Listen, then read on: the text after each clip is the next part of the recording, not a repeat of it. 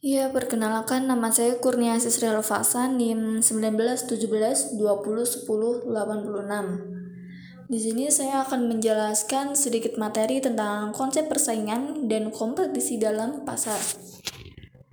Pemasaran tidak akan pernah terlepas dari unsur persaingan. Biasanya, tidak ada satu bisnis pun yang dengan leluasa berleha-leha menikmati penjualan dan keuntungannya.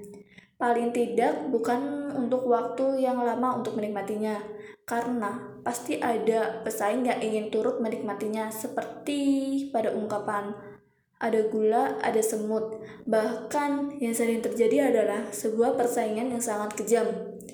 Persaingan tidak mengenal belas kasihan. Persaingan tidak akan menanyakan apakah model si pesaing itu berasal dari warisan atau pemberian mertua atau berasal dari uang PHK.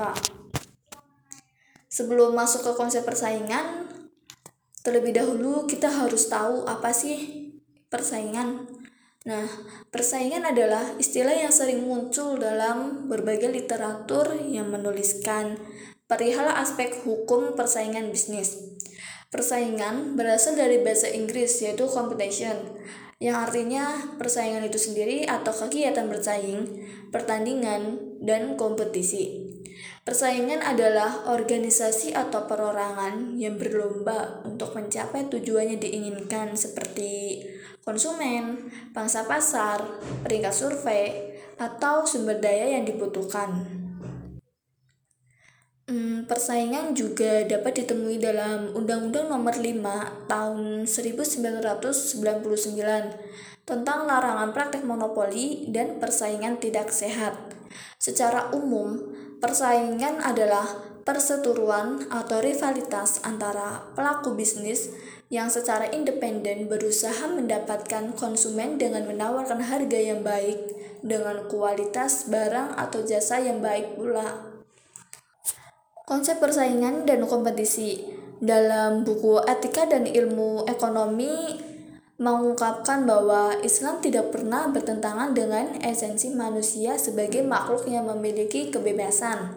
Manusia diberi kebebasan untuk melakukan kegiatan guna mendapatkan kebutuhannya secara optimal. Dalam kebebasannya untuk memenuhi kebutuhan, manusia berhadapan dengan manusia yang lain yang juga memiliki derajat kebebasan yang sama. Jika manusia melanggar batas kebebasan kebutuhan sesamanya, maka akan terjadinya konflik. Konflik akan merugikan manusia. Jika hal tersebut terjadi, maka manusia akan kehilangan peluang untuk mendapatkan kebutuhan yang diharapkannya. Oleh karena itu, manusia berusaha untuk menjauhi konflik melalui cara-cara tertentu sebagai usaha untuk menghindari kerugian seminimal mungkin dan mendapatkan keuntungan semaksimal mungkin.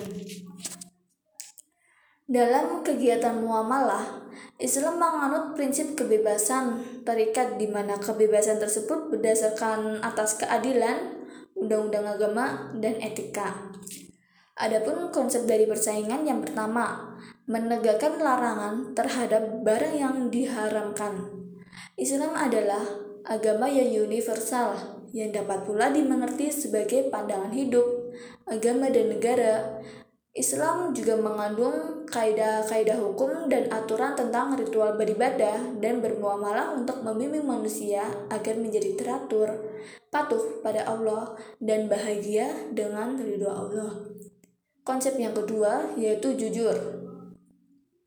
Bencana terbesar di dalam pasar saat ini adalah meluasnya tindakan dusta dan batil Misalnya nih, berbohong dalam mempromosikan barang dan menetapkan harga yang tidak pada tempatnya.